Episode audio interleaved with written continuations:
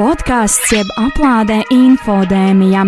Ekspertu un studentu pieredze dezinformācijas laikmatā un vērtīgi padomi mediju pratības apgūšanai. Pirmdienās pulksten piecos radio naba ēterā un mūzikas straumēšanas vietnēs.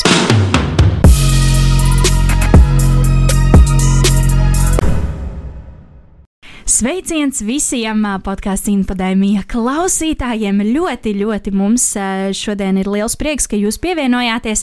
Vai nu tas ir radio naba ēterā pirmdienā, LSM arhīvā, vai varbūt tik ļoti populārajā mūzikas straumēšanas vietnē Spotify. Liels paldies par klausīšanos, bet tagad sāksim, iesāksim mūsu šo te šodienas epizodi. Un, kā jau jūs redzat arī pēc nosaukuma, karsto punktu žurnālistika Šodien ar jums kopā studijā esmu es, mans vārds ir Elīna. Un mans vārds ir Laura.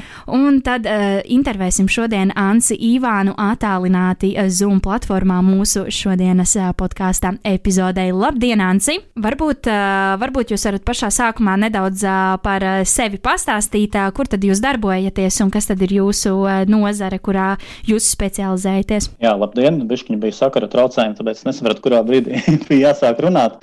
Bet es Mansis Ivāns strādāju portālā Delfi pārsvarā ar ārzemju ziņām jau kopš 2012. gada, tā jau krietni ilgu laiku, un uh, tās arī ir ārzemes un starptautiskie notikumi, uz ko es vairāk koncentrējos ikdienā. Un mums arī paralēli ir uh, Delfos tagad projekts Atmaskots LV, kur mēs sadarbībā pētniekiem pētam dezinformāciju. Un tāpat arī mums ir citas dezinformācijas projekts sadarbībā ar Facebook. Mums ir komanda, kas nodarbojas ar Facebook faktu pārbaudi tā īsumā. Tad sākot ar atgriežoties pie tās uh, karsto punktu žurnālistikas, uh, labojiet mani, ja es kļūdos, bet šķiet, ka Latvijā nav daudz tāda tipa žurnālistu. Līdz ar to varbūt jūs sākumā varētu iezīmēt uh, galvenos faktorus, kādēļ žurnālistam no Latvijas vispār ir būtiski personīgi ziņot no, teiksim, kara darbības zonām, kas uh, šķiet varbūt sabiedrībai geogrāfiski un politiski tālu? Nu, pirmkārt, jau tā jāskatās, ir uh, Latvijas mēdīju apstākļi. Mums ir diezgan mazs mēdīju tirgus, nu, kurš pie tam uh, tāds neatkarīgs un brīvs ir tikai pēdējos 30 gadus. Un, uh, līdz ar to, protams, ka mums nav mēdījiem ne tādu resursu, ne tādas iespējas sūtīt cilvēkus uz uh, dažādām pasaules malām un uh, reportēt par visiem notikumiem. Tas ir tā, tā arī attiecīgi atbildi, kāpēc mums nav tā, daudz tādu žurnālistu. It sevišķi mūsdienu mēdīju un tehnoloģiju laikmatā tas bieži vien pat iespējams nav vajadzīgi. Nu, kad ir visas starptautiskās aģentūras, kuras nolīgst vietējos žurnālistus uz vietas, kuri daudz ātrāk un efektīvāk spēj to izdarīt. Bet, protams, klātbūtnes efekts uh, palīdz vairāk izprast tās lietas, ko mēs uztveram attālināti. Bet, ja aizbrauc, piemēram, kāds vietējais latviešu, latviešu žurnālists uz kādu karsto punktu, tas dod kaut kādu nu, lielāku saikni, tuvāku kontaktu gan pašiem žurnālistiem, gan arī skatītājiem un klausītājiem.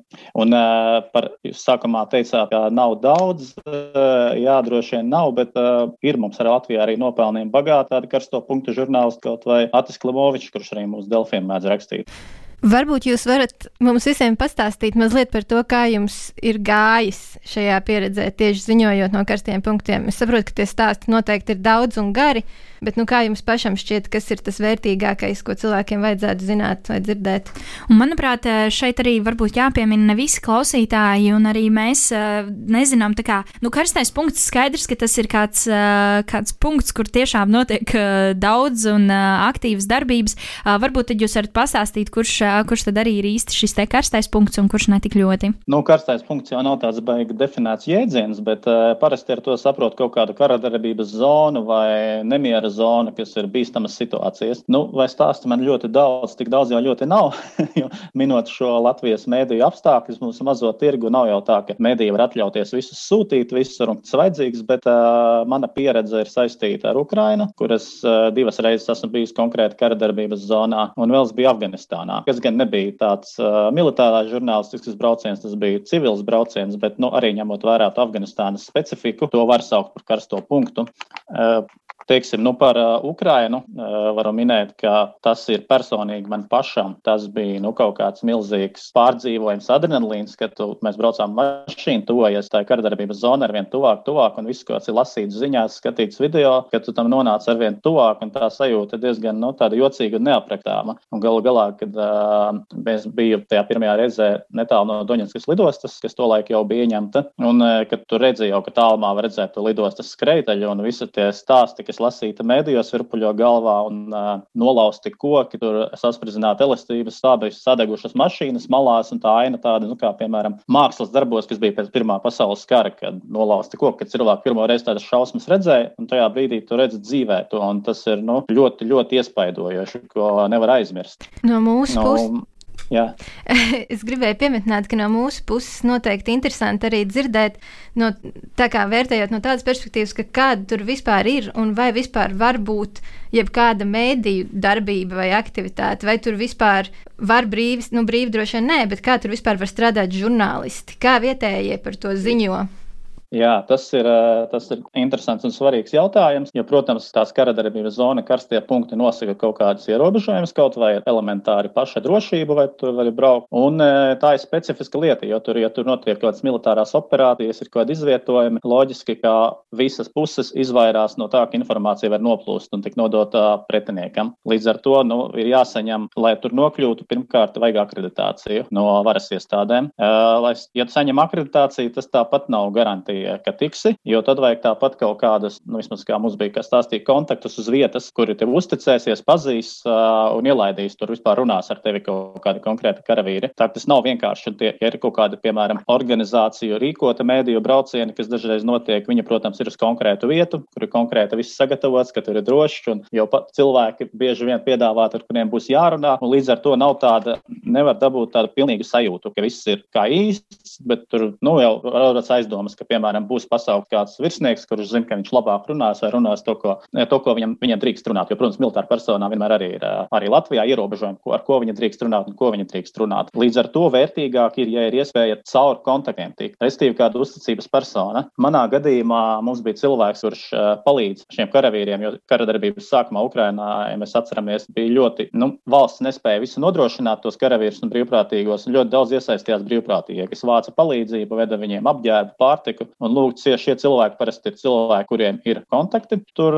frontes zonā un kuriem uzticās. Un mums bija arī viens šāds cilvēks, kurš to nodarbojas. Pateicoties viņam, mēs tikām klāt pie cilvēkiem, nakšņojām arī vienā brīvprātīgā bataljona bāzē, kur nu, piedalījāmies tādās vakara sadzīviskās sarunās. Tad jau tu jūti vairāk un uzzini to atmosfēru vairāk nekā tādā oficiālā intervijā, kur tev piedāvā kāda nostāda priekšā, kur viņš tikai zina, ka viņš drīkst teikt to, kas viņam ir atļauts teikt. Protams, tā, ja tu esi tādā neformālā gaisā, gaisotnē, tas arī uzliek atbildību. Pašam saprast, ka iespējams kaut kas no tā, ko saka, nav bijis domāts publiski. Jā, bet nu, mums paveicās, ka mums bija šis cilvēks, brīvprātīgais, kurš palīdz, un uh, mēs diezgan gludi tikām, bet arī nebija garantijas, kad braucām. Tajā pirmajā reizē visu laiku viņš sazvanījās, lai tajā galā būs tie cilvēki, kurus viņš labāk pazīst, lai viņi var norganizēt tikšanu iekšā. Un šajā gadījumā tajā pēdējā Ukraiņu pozīcijā pie Doņetskas lidostas, kur mēs bijām, tāda Avdijevkas pilsētiņa, kas ir pēdējā Ukraiņas kontrolē, un tad aiz viņas ir bijušās tās raktuves, kur bija Ukrāņu pozīcijas, droši vien vēl tagad ir. Un pēdējais kontrola punkts bija tādos krūmos, uh, lai tur tiktu, un tad ir jāšķērso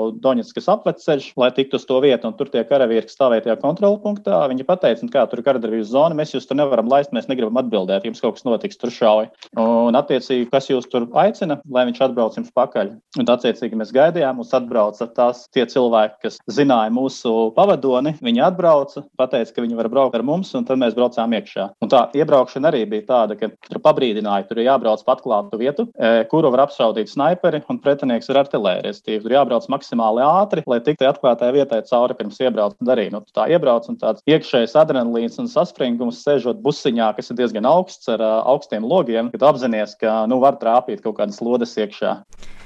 Traki stāstījums var pilnīgi pazust. Ja, es, es nezinu, vai es atbildēju uz jautājumu, ja es jau pats sāku novirzīties un iespējams kaut ko citu runāt. Nē, nē, tāpat tās ļoti interesanti, manuprāt. Nu jā, tiešām tas varētu būt tāds, tāds ļoti liels adrenalīns, tāda vienreizēja pieredze noteikti. Nu, jā, un arī tos cilvēkus satikt, jo nu, tur mēs konkrēti bijām pie brīvprātīgajiem, kuri paši aizgājuši brīvprātīgi karot. Nu, tur, piemēram, viens bija, kurš principā runāja tikai ukrainiski. Viņš saprot krieviski, viņš saprot, ka es nesaprotu ukrainiski. viņš uzklausa mani krieviski, bet viņš man turpina visu atbildēt, vienkārši stāsta ukrainiski. nu, tāda interesanta komunikācija, bet pārsvarā jau visi runā krieviski, jā, tad tur varēja komunicēt vai arī caur tulku. Nu jā, un tagad pievēršoties vienam citam jūsu darba aspektam, par kuru jūs pats arī sākumā īsi ieminējāties. Mm, es domāju, var teikt, ka informācijas telpas draudi kopumā to izplatība beidzot ir novedusi pie tādas retorikas, kur valdības, mēdīju un, un tehnoloģiju kompānijas ir, ir pieteikuši, ja tā var teikt, karu pret uh, dezinformāciju. Sakiet, uh, kā jums šķiet, vai šis uzstādījums dažkārt necieš tāpat kā, piemēram, paziņojumi par karu pret terorismu vai karu pret narkotikām, kur specifiski plāni un soļi um, nereti vienkārši tiek atstāti uz citu dienu, tā kā ļaujot dominēt principā tai retorikai par to karu? Uh, nu, dezinformācijas kontekstā jāpiemina, ka tā dezinformācija patiesībā bijusi ļoti sen. Kaut, nu, restīvi, dezinformācijas ir bijusi vienmēr, bet interneta un sociālā tīkla laikmets ir devis tai dezinformācijai tādu lielisku iespēju sasniegt auditoriju. Jo ja agrāk kaut kādas sazvērestības teorijas varēja šaurā lokā cirkulēt, tad Facebook, Facebook deva iespēju apvienoties grupās un, uh, un novadīt šo informāciju līdz cilvēkiem, kuriem pat neinteresē vai nav interesējušies par tādām lietām. Un, teiksim, tāda konkrētā propaganda, dezinformācija, kā valsts drošības apdraudējums, ļoti labi pievērsa visu, visu uzmanību tieši pēc Ukrainas notikumiem 14. gadā, kas ļoti labi parādīja, kas, kas notiek Ukrainā un Krimā, kur ir ļoti daudz dzīvojuši kaut kādā Krievijas propagandas un dezinformācijas ietekmē, un kur ļoti labi parādīja, kā Krievija šos notikumus pilnībā pagriež, cik daudz dezinformācijas izplatās kaut vai par to MH17 katastrofu. Kaut kāds desmitiem dažādu versiju tiek izplatīts, kas notika ar lidmašīnu. Un iespējams, ka tad sākumā bija vairāk runas nekā darbi, bet tagad jau var vērot, ka mēs esam nonākuši līdz kaut kādai darbībai. Kaut kā Facebook, kuri finansē šo ar neatkarīgiem pētniekiem šo fact-checking programmu, kas, protams, iespējams ar to nepietiek, ņemot vērā, ka Facebook tieši lielā mērā ar saviem algoritmiem vainojams pie tā, ka visas teorijas nonāk pie nonāk pie lasītājiem un kļūst, viņi kūst ļoti liela popularitāte. Attiecīgi, Facebook arī atbildīgs, tāpēc viņš iesaistās, bet cik tas ir veiksmīgi, to mēs redzēsim tālāk.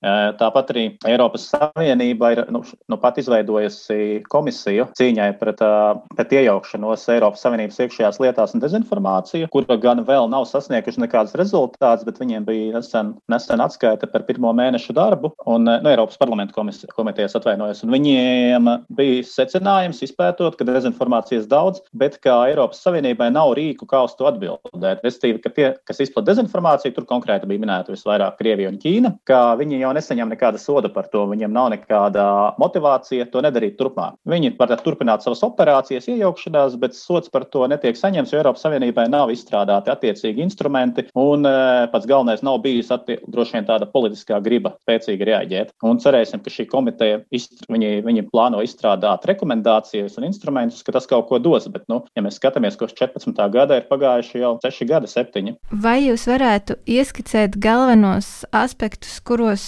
Latvijā dezinformācijas izplatība varētu uzskatīt arī par nacionālās drošības jautājumu? Nu, te jau droši vien tagad visaktuālākais ir dezinformācija saistīta ar Covid-19 pandēmiju, kas ir ļoti spēcīga un attiecīgi ne tikai Latvijā, bet arī citās. Viņa ļoti var kavēt un apgrūtināt cīņu pret šo infekciju, kas arī kaitē galu galā ekonomikai, kuru var ilgstošāk būt, būs slēgta. Un galu galā tas izdarīs dezinformācijas citu mērķi, kāds parasti ir graut uzticību valdībai, valsts iestādēm un demokrātiskām institūcijām institūcijām, kas ir ļoti bieži no Krievijas nākušas dezinformācijas mērķis parādīt, ka jūsu demokrātija jau nedarbojas, nav spējīga, bet lūk, kur ir spēcīga līderi, tur gan viss notiek ļoti labi. Nu, un, protams, pirms šīs pandēmijas izplatītais ir klasiski graut uzticību valdībai un Latvijas valstī vispār ideja, ka mēs varam pastāvēt kā valsts, būt ekonomiski veiksmīgi un spēcīgi. Jo, jo arī, nu, kad Facebookā pastāv visādas grupas kādreiz bija un arī cilvēki, kas nu, tiešām turpina izplatīt šos narratīvus, ka nekur jau nav tik slikti kā Latvija Latvijā, ka mēs neko neražojam, kas ir diezgan neatbilst patiesībai mūsdienām, un turpina atražot šos, šos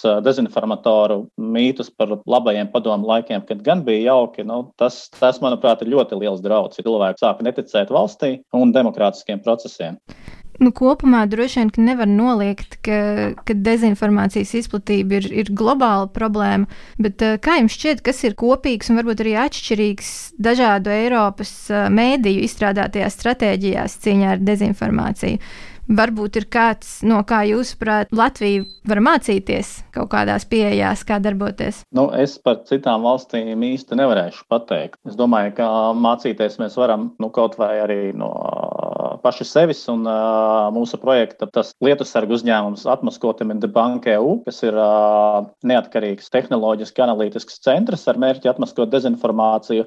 Un viņu pieeja ir, kas atšķirās, nu, piemēram, no līdzinējās stratēģijas, ka cilvēki vienkārši meklē, googlē vai ierauga, kad parādās šī dezinformācija, ka viņi ir sākuši šo tehnoloģisko pieeju izmantot mm, mākslīgo intelektu, liekot filtrus, lai ātrāk atlasītu dezinformāciju jau uzreiz, kad viņa parādās un spētu viņu identificēt un jau ātrāk apstrādāt. Tā ka nu, tehnoloģiski risinājumi, kas, nu, protams, mūsdienās bez tiem nevar iztikt, ņemot vērā informācijas apjomu. Bet, nu, jā, protams, tas, jā, tas tāpat neiztiek bez cilvēkiem, jo neviens algoritms uh, nav ideāls. Un tāpat kā mēs zinām, Facebook algoritmi, kas arī palīdz atlasīt, viņi nesaprot jokus, un jokus iemet kā potenciāli bīstamu informāciju. Tāpēc cilvēku, žurnālistu un uh, vienkārši pētnieku darbs joprojām ir neatsverams.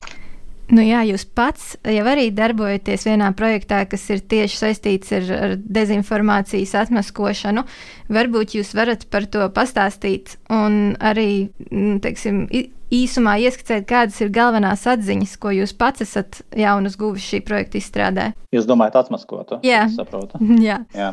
Jā, nu, tas ir, kā es minēju, tas ir projekts, viņš ir lielāks par Latviju nedaudz. Tas saucās Debanke EU, kas ir nevalstiska organizācija, neatkarīga, kura izveidoja šo rīku mākslīgā intelekta, kurš atlasa dezinformāciju, veido filtrus. Viņi koncentrējas sākotnēji vismaz uz Baltijas valstīm, tieši pret vērst, Baltijas valstīm vērstu dezinformāciju. Un, uh, Nu, līdzšinējās atziņas ir, ka Krievijas dezinformācija turpinās, viņa neapsīkst. Un, ja, piemēram, ja nav nekādi aktuāli notikumi, ka nav aizslēgts kāds Krievijas mēdījis, nav izraizīts kāds uh, Krievijas žurnālists no Latvijas, uh, tad, tad, ai, tad, tad aiziet masveidā šie klasiskie narratīvi. Latvija kā neizstāvusies valsts, Latvija kā rusofoba valsts, uh, Latvija, kura kurina naidu, kura kurina karu. Un, nu, tāda ļoti, ļoti dzirdēta. Un tad atkal, ka Latvija ir agrāra un ļoti neveiksmīga, jo rūpniecība ir sagrauta un ar Krieviju gan būtu bijis labi. Tas ir, jā, tas, ir tas, ko arī tur var noskaidrot. Es tīk, to jau varēju visu nojaust, bet tagad arī ar statistiku un ar uh, pētniecības metodēm tas ir redzams tieši, cik tas ir. Es, protams, mazāk strādāju tieši ar šiem rīkiem, jo esmu vairāk kā redaktors. Uh, es atbildu par to saturu, kas nonāk līdz Delfiem, jo tur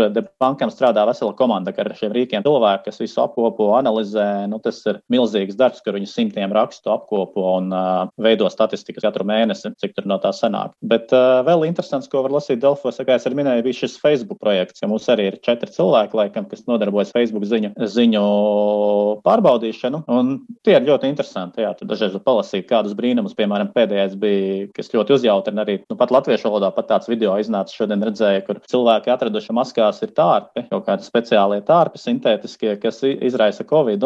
Un tas vienkārši viņi ierauga, tāds starp audumā ir melnas šķiet skiedriņas, nevis tādas baltas. Un, tātad tas ir kā viņi uzskata tārps, un viņi pierāda, tas ir tārps, pušot viņam virsū elpu, un viņš kustās. Nu, kaut gan, ja kurš diezgan viņš kustēsies, viņam puš elpu, bet viņu arguments ir, ka viņš atdzīvojas siltumā un mitrumā. Ar es tiek uzliek masku, tad cilvēks saslimst ar covid, jo tie tārpi. Nu, kaut kas tam līdzīgs. Tā, tā tos Facebook faktus ļoti jautri palasīt, kāda brīnuma klejo Facebookā. Protams, ja šiem rakstiem dažkārt palasa apakšā, ne rakstiem, bet tiem pašiem postiem, dezinformatīviem, palasa apakšā komentārus, tad, tad rodas tāda sajūta, nu, ka ka ir diezgan traki, ja kāds tam tic un uh, turpina šo izplatīt. Bet te atkal cits aspekts, ka mēs jau nekad nezinām, cik tur ir reāli cilvēki tajos komentāros un cik reizes viņi paši tur atkārtojas un nu, cik tā ir viena daļa, kas visiem rakstiem komentē un to, un to turpina kultivēt. Svarīgāk ir, vai viņa neaug šī daļa, vai cilvēki nepaliek vairāk. Tas gan jā, mēs arī jau pirmajās epizodēs runājām par to, cik ļoti mēs esam tīrījuši podkāstu infodēmija šo, šie te komentāri komandas dalībnieki, cik mēs ļoti esam tīrījuši savus Facebook draugus no, tādiem, no šādiem dezinformācijas izplatītājiem, un, un, un, un kādēļ tad mēs vispār arī iesākām šo projektu, kas arī ir, nu, teiksim tā, varbūt ne ar tieši tādu pašu mērķi kā atmaskots, bet nu ar tādu līdzīgu mērķi, ieb, nu, kā teikt, iebraukt iekšā vairāk šajā dezinformācijas pasaulē, saprast, saprast kādēļ rodas šāda veida informācija. Mēs arī esam runājuši par sazvērstības teorijām, esam apskatījuši jau krietni daudz, krietni daudz tēmas, būs arī vēl dažas, protams, arī turpinājumā, bet mans jautājums jums, kādēļ jūs prāt tādi projekti, teiksim, kā podkāsts infodēmija vai atmaskots, kādēļ viņi ir tik ļoti būtiski Latvijas mēdīju telpā vispār kopumā? Nu, pirmkārt jau tāpēc, ka cīņa ar dezinformāciju ir nepieciešama, jo, nu, tu vienkārši tā nevar atstāt, jo, ja nekad neizskanēs nekāda pretēja viedokļa, vai kā mēs redzam, nu, ka ir Facebook lentē kāds trakais mums, nu, tu redzi, ka viņš komentē kaut kādu, liek kaut kādu sviestu, bet uh, cilvēkiem jau bieži vien nav spēka tur iesaistīties un diskutēt, bet tas atkal var radīt pretēju efektu, ka tur sarodas tikai tie atbalstītāji, kas komentē, ka visi tā domā. Un šādi projekti parāda, pirmkārt, ka visi tā nedomā, otrkārt, ka šī informācija tiek pārbaudīta. Nevis vienkārši at, atšķirībā no šiem Facebook postiem, kur ir apšaubām, bet tiek pārbaudīta un uh, salīdzināta un parādīta cilvēkiem. Jo, un tas, un tas arī galu galā, nu, piemēram, man pašam patīk izlasīt tos Facebook vai Baltika atmaskošanas rakstus. Tu pats sev iegūsti izlasi argumentus, jo ļoti bieži tie dezinformatīvie posti ir, nu, uz pirmo brīdi ļoti spēcīgi uzrakstīti, ka tev ir grūti, nu, labi, ir tādas galīgās muļķības kā tā ar maskā, bet ir tādi, kur ir ļoti grūti pirmajā brīdī kaut ko argumentēt, jo tur ir kā doti kaut kādi avoti, kaut, kāds, kaut kas, kaut kāds dakteris, bet šie faktiski raksti ļoti labi pārbauda, piemēram, kas ir šis dakteris, kurš to teicis, ka šis izrādās jau ir nonācis tur uh,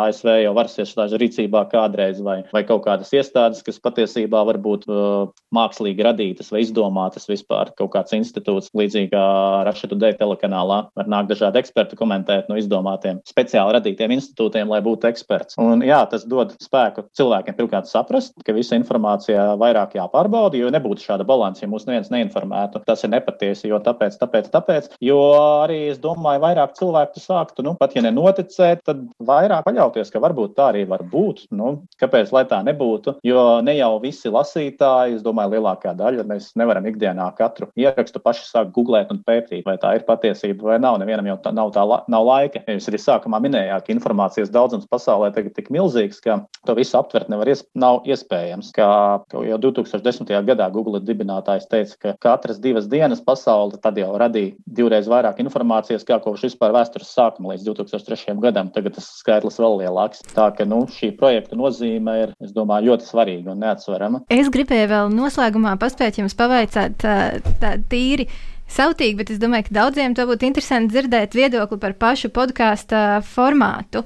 Um, piemēram, Brītu laikraksts The Guardian jau 2020. gada nogalē rakstīja, ka po podkāsts kā mēdījis principā vispār strauji gūst uh, globālu popularitāti, un Austrālijā, piemēram, pēc viņu pašu datiem trešdaļa iedzīvotāji klausās kādu podkāstu. Un uh, vienlaikus tajā pašā laikā šķiet, ka podkāstu loma informācijas telpas ekosistēmā pagaidām ir neizpētīta un arī nekontrolēta. Uh, vai jums šķiet, ka šāda veida podkāstu, ko mēs varbūt cenšamies izmantot, uh, labos nolūkos kaut kādā brīdī nevar kļūt arī par ļoti aktīvu sazvērstības teoriju izplatības punktu. Vai cik kontroversāli? nu, es jau domāju, ka noteikti, ja pameklē, ir jau podkāsts, kas droši vien izplata šādas sazvērstības teorijas. Tāpat kā ar YouTube kanālu, ir speciāls vietnes, veselos izveidot Facebook grupas. Tā tas nav nekāds grīnums, jo visas tehnoloģijas, ko izmanto informācijas izplatīšanai, izmanto arī dezinformācijas izplatīšanai. Nu, tas ir viss, kā saka, apusējs process. No tā nevar izbēgt. Bet jā, es arī esmu novērojis, ka podkāstu popularitāte arī ļoti aug, par ko arī liecina, ka mums Delfos jau ir vairāk podkāstu. Es pats kādreiz vispār šim formātam, formāts man īsti neinteresēja, bet kopš es arī sāku, sāku ar šo nodarboties, vairāk pievēršu uzmanību. Un, man jau liekas, ka galvenais ir ērtība, ka jebkurā laikā var ieslēgt un paklausīties ja telefonam dati atļautu arī braucot mašīnā, jo man parasti sanāk klausīties kaut kur braucot, tikai biežāk, jo austiņas nelietoja. Un tas ir, jā, baigi forši. Cik, es, protams, nezinu arī kāda statistika, cik daudz Latvijā tos podkāstus klausās, nu, tikai tā auditorija, bet viņi noteikti aug. Es arī redzu pēc atmaskotas sadaļas, ka es sākumā domāju, ka, nu, kad kā vajag vispār kāds klausīsies, bet skatos, tie cipari ir diezgan jau sasniedz kaut kādu līmeni. Jā. Iespējams, jūs arī ar savu podkāstu varat kaut ko novērot. Jā, jā, jā, jā es tieši arī vēlējos teikt, jā, ka mums cipari pieejami. Tie gan nav tādai publiskai, publiskai izskaņošanai, pateikšanai ārā, bet, bet jā, mēs aktīvi tiešām strādājam. Paldies jums liels arī, Ants, par šodienas sarunu. Mums gan laiks ir, laiks ir nepielūdzams un, un, un, un jau, jau strauji iet uz beigām, bet tāpatās, manuprāt, ļoti, ļoti interesanti arī šodien bija noskaidrot par šiem te karstiem punktiem un arī jūsu veidoto projektu atmaskots. Atgādināšu vēlreiz klausītājiem, ka mēs šodien sarunājamies ar Delfi žurnālistu uh, Ansi Ivānu, kurš tad mums uh, pastāstīja, atbildēja uz mūsu vairākiem jautājumiem, beigās arī par podkāstiem parunājām. Un uh, kopumā, jā, tiešām liels paldies uh, par klausīšanos, paldies liels jums, Ansi, par uh, pievienošanos, un tad jau ar klausītājiem tiksimies uh, nākamajā epizodē, vai ne tā, Laura? Tiksimies kā vienmēr. Tiksimies kā vienmēr katru pirmdienu, radio un abētrā vai arī mūzikas straumēšanas vienai Spotify. Bet līdz tam tad visiem atām! Atā! Visu labu! Podkāsts jeb aplādē infodēmija, ekspertu un studentu pieredze dezinformācijas laikmatā un vērtīgi padomi mediju pratības apgūšanai. Pirmdienās, pulksten piecos radio nabēterā un mūzikas straumēšanas vietnēs.